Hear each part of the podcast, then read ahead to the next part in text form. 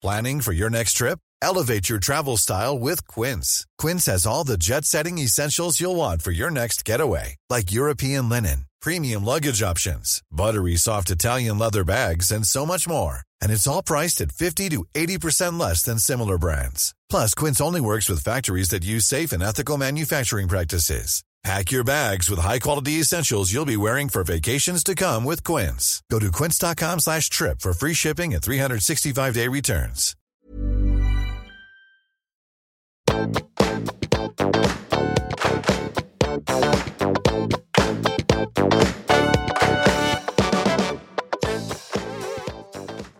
Hei, alle sammen, og velkommen tilbake til podkasten Karriereveiledning med Elaine.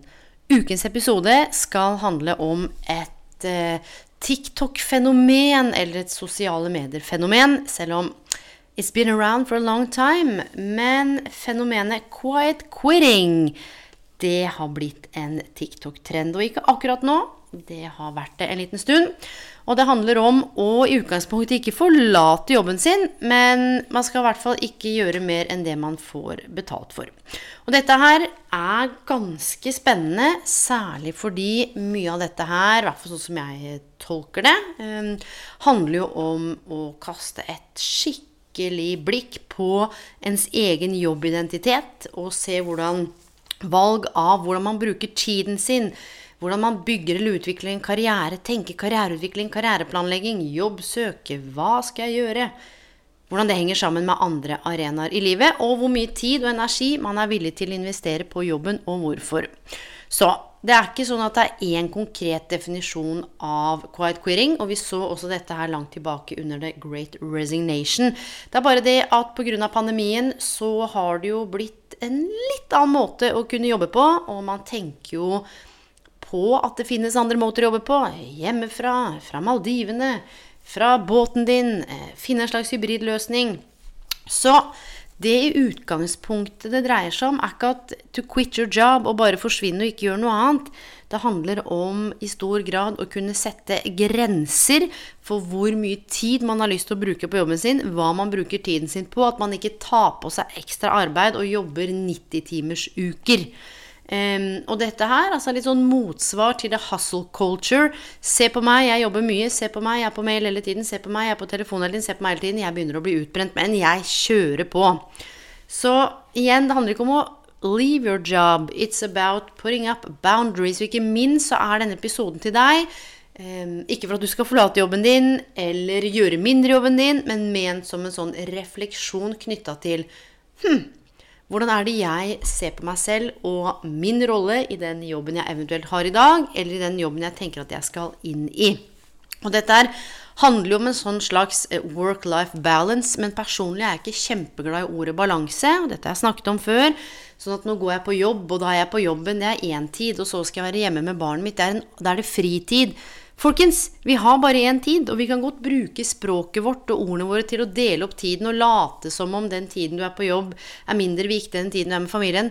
But it is still your time. Og så vidt meg bekjent, i hvert fall foreløpig, så har vi kun denne tiden vi har akkurat nå. Så um, det handler også om det er flere deler av denne bevegelsen er da quiet quitting. Og det ene er litt sånn um, Hva skal vi si? Noen av de som er en del av denne bevegelsen, har valgt quiet quitting fordi man er litt sånn irriterte på ledelsen, irriterte på eh, kulturen, som bare ser på de som en sånn slags maskineri. At man er bare en del av et eller annet som egentlig ikke Ja, noe visjon, verdier, bærekraft. Man føler seg egentlig ikke viktig i det hele tatt. Man er bare der for å holde maskinen i gang. Og så er det jo andre nettopp fordi de kjenner på utbrenthet, at de er slitne. Noen så kan det ha skjedd endringer på privaten, i familien, på andre arenaer i livet. Men det handler rett og slett om at ikke ønsker å gjøre mer enn det man får betalt for. Altså nesten litt sånn the bare minimum.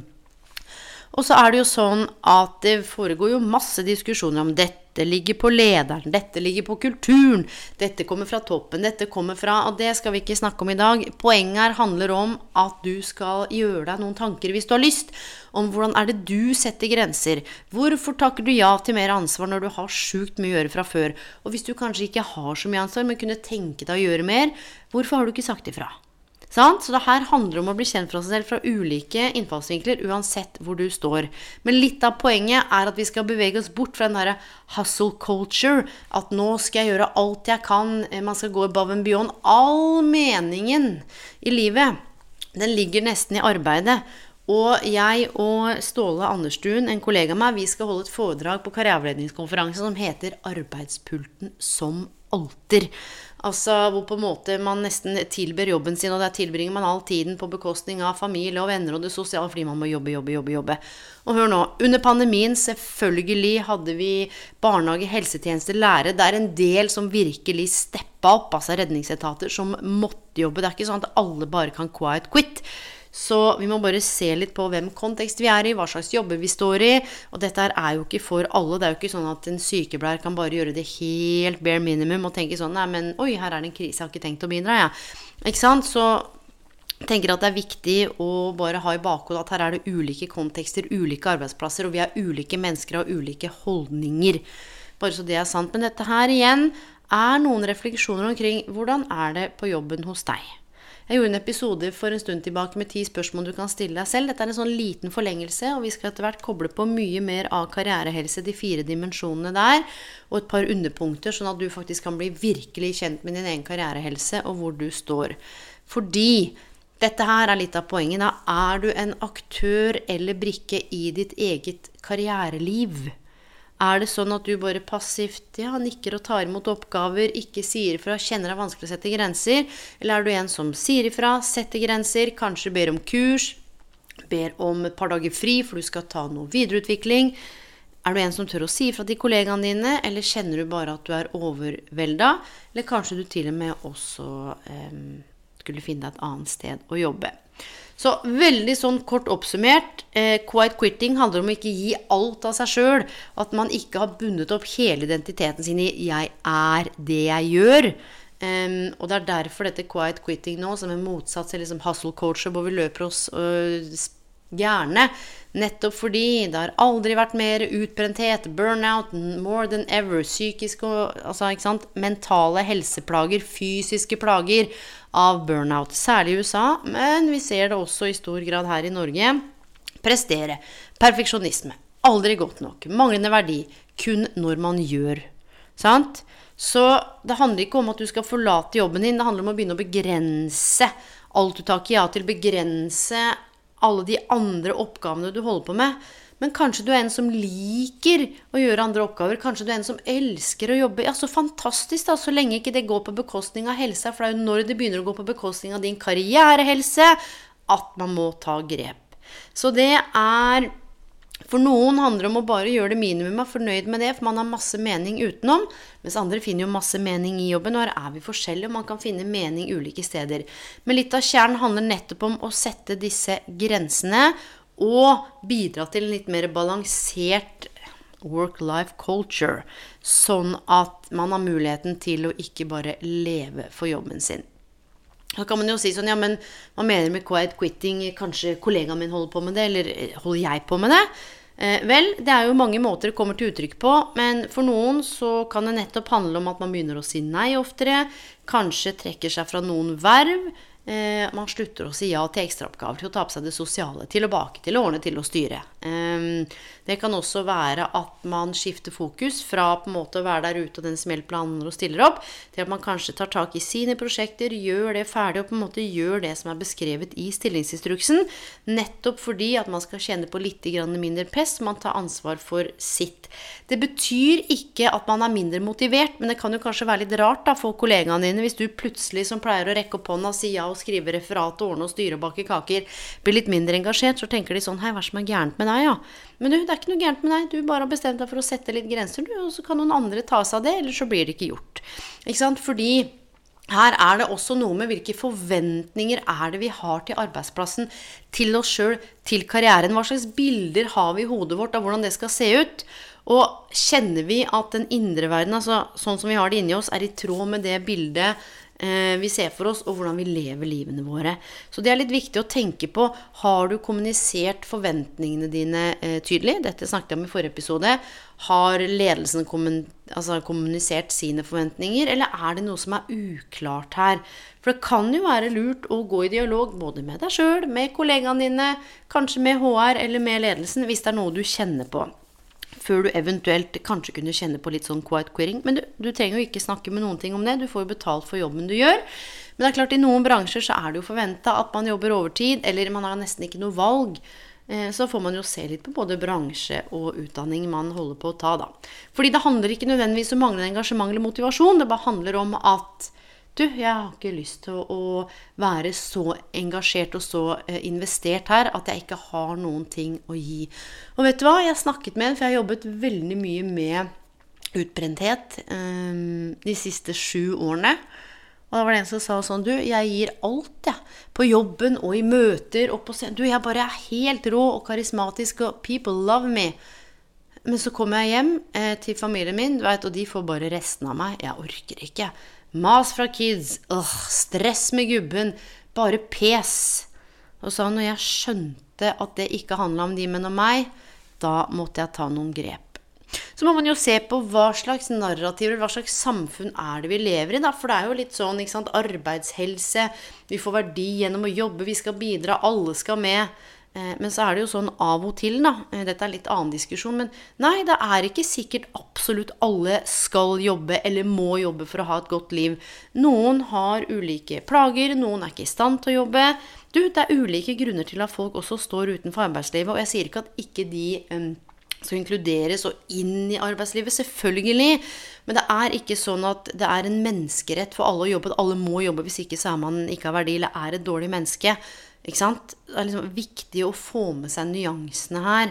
Fordi det kan være at du som lytter til dette, er mellomjobber, eh, er uten arbeid og tenker sånn Herregud, quiet quitting. Jeg hadde jo gjort alt i min makt bare for å kunne få en jobb, og jeg hadde hatt for mye å gjøre. Fordi jeg er så sjukt lei av å sitte her og kjenne på at det er ingen som har behov for meg. Og så er det den andre enden, ikke sant? for man har jobba seg i hjel og er helt on the verge of breaking down. Sånn tenker Kan ikke noen bare gi meg en seng, noe sunn mat og Ingen som spør meg om noen ting. Ingen krav, mas eller forventninger. Så er ytterpunktene, og så har vi alt imellom. Så det er mer enn å bare sette grenser. Det handler om å sette ord på noe som på en måte har pågått en stund i samfunnet, hvor vi skal, vi, satt på spissen og generalisere, jobbe seg skakke. Men det skjedde noe med pandemien. Man begynte å se på tiden sin. Hvordan er det jeg prioriterer? Og jeg så Adam Grant hadde en post her for litt siden hvor han skrev et eller annet om Du, eh, pandemien gjorde noe med oss. Instead of slapping ourselves to work, så har vi mye mer lyst, en del av oss, til å faktisk jobbe hjemmefra noen dager i uka for å slippe reisevei tur og tur på to og en halv time. For å få det til å gå rundt, for å få litt mer ro, for å kanskje få inn den treningsøkta. For det er viktig for den mentale helsa. Så igjen så handler det om her hvor er det du står i forhold til din egen arbeidsplass, i forhold til de du har rundt deg, i forhold til arbeidsoppgavene, i forhold til kanskje reiseveien. Hva er det som er viktig for deg å prioritere i arbeidet? Hva er det du trenger? Hvordan kan man legge til rette, eller hvordan kan du legge til rette for at du får en god arbeidshverdag? Kanskje det er mulig å få en dag hjemmekontor. Eh, kanskje for deg som misliker hjemmekontor, er det mulig å komme inn en dag på kontoret eller få eh, Jeg kjenner en hvor det er litt sånn remote leadership, så de har fått betalt en av disse co-working spacesene hvor kollegaene kan møtes der så mye de vil. Så da kan de jobbe hjemme litt, eller de kan møtes der, men da har de muligheten til å velge. Og dette her, mine venner, dette er helt sentralt for et nydelig og et veldig viktig rammeverk som er i ferd med å utvikles. Det kommer snart en hjemmeside, det kommer en artikkel, det kommer en bok som, heter, eh, som dreier seg om karrierehelse. Jeg har også vært med på podkasten til Bjørg Toralsdottir hvor jeg har snakket om dette her. Den kommer ut etter hvert. Jeg har vært med på podkasten til eh, Alsgaard Lav som vi også snakker litt om dette. Og jeg har nevnt det så vidt tidligere. Altså det er fire dimensjoner som vår karrierehelse består av. Det er det mentale, det emosjonelle, det fysiske og det spirituelle. Og det spirituelle handler nettopp om mening. Det handler om verdier, belonging. Handler om purpose altså, ikke sant? Åh, hva er det som driver deg? Det mentale handler jo om de kognitive fasettene av karrierehelsa di. Det emosjonelle, selvfølgelig følelsene. Og det fysiske handler jo da om eh, ja, en del ting innenfor ernæring, aktivitet, omgivelser. Så her skal jeg presentere et skikkelig spennende rammeverk som du etter hvert kan benytte da for å vurdere egen karrierehelse. For kanskje er det sånn at det handler om manglende mening. Og kan det ha sammenheng med evnen til at det er utfordrende, eller det at det er utfordrende å sette grenser? Og kan det at det er utfordrende å sette grenser, ha sammenheng med at du er litt stressa, for ting er ikke bra på hjemmebane? Så det handler om et sånt mentalkjør som kanskje påvirker søvn.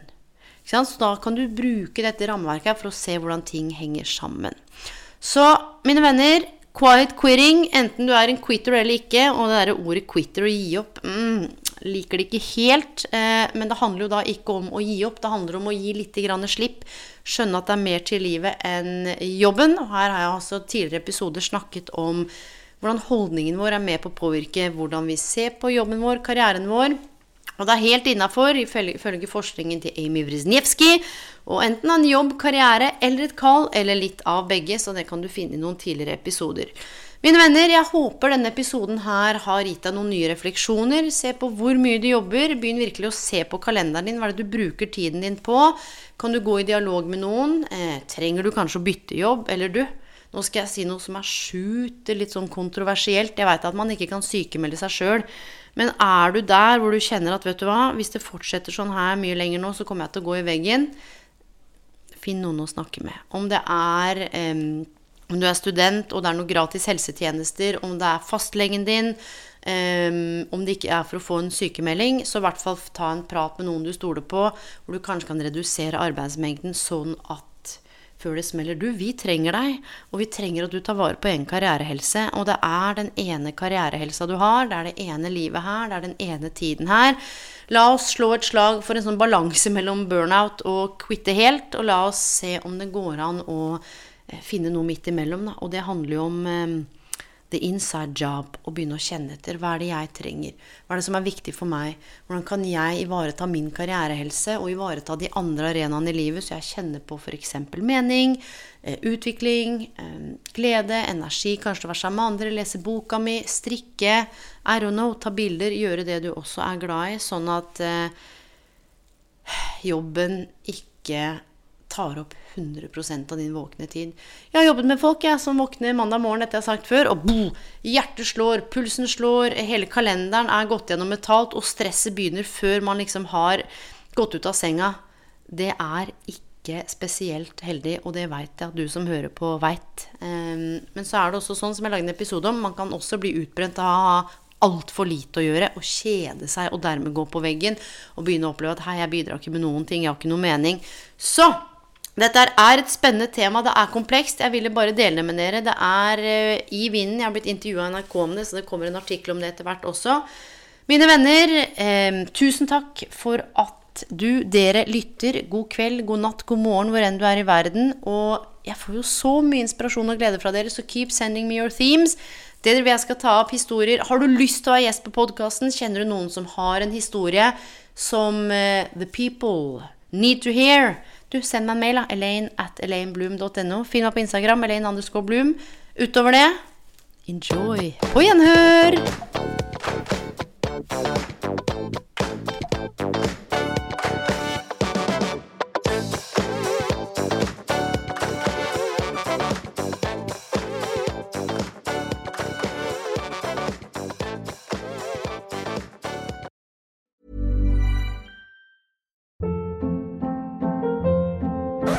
Hold up. What was that? Boring. No flavor. That was as bad as those leftovers you ate all week. Kiki Palmer here, and it's time to say hello to something fresh and guilt-free. Hello Fresh. Jazz up dinner with pecan-crusted chicken or garlic butter shrimp scampi. Now that's music to my mouth. Hello Fresh. Let's get this dinner party started. Discover all the delicious possibilities at hellofresh.com. My business used to be weighed down by the complexities of in person payments. Then, Tap to Pay on iPhone and Stripe came along and changed everything.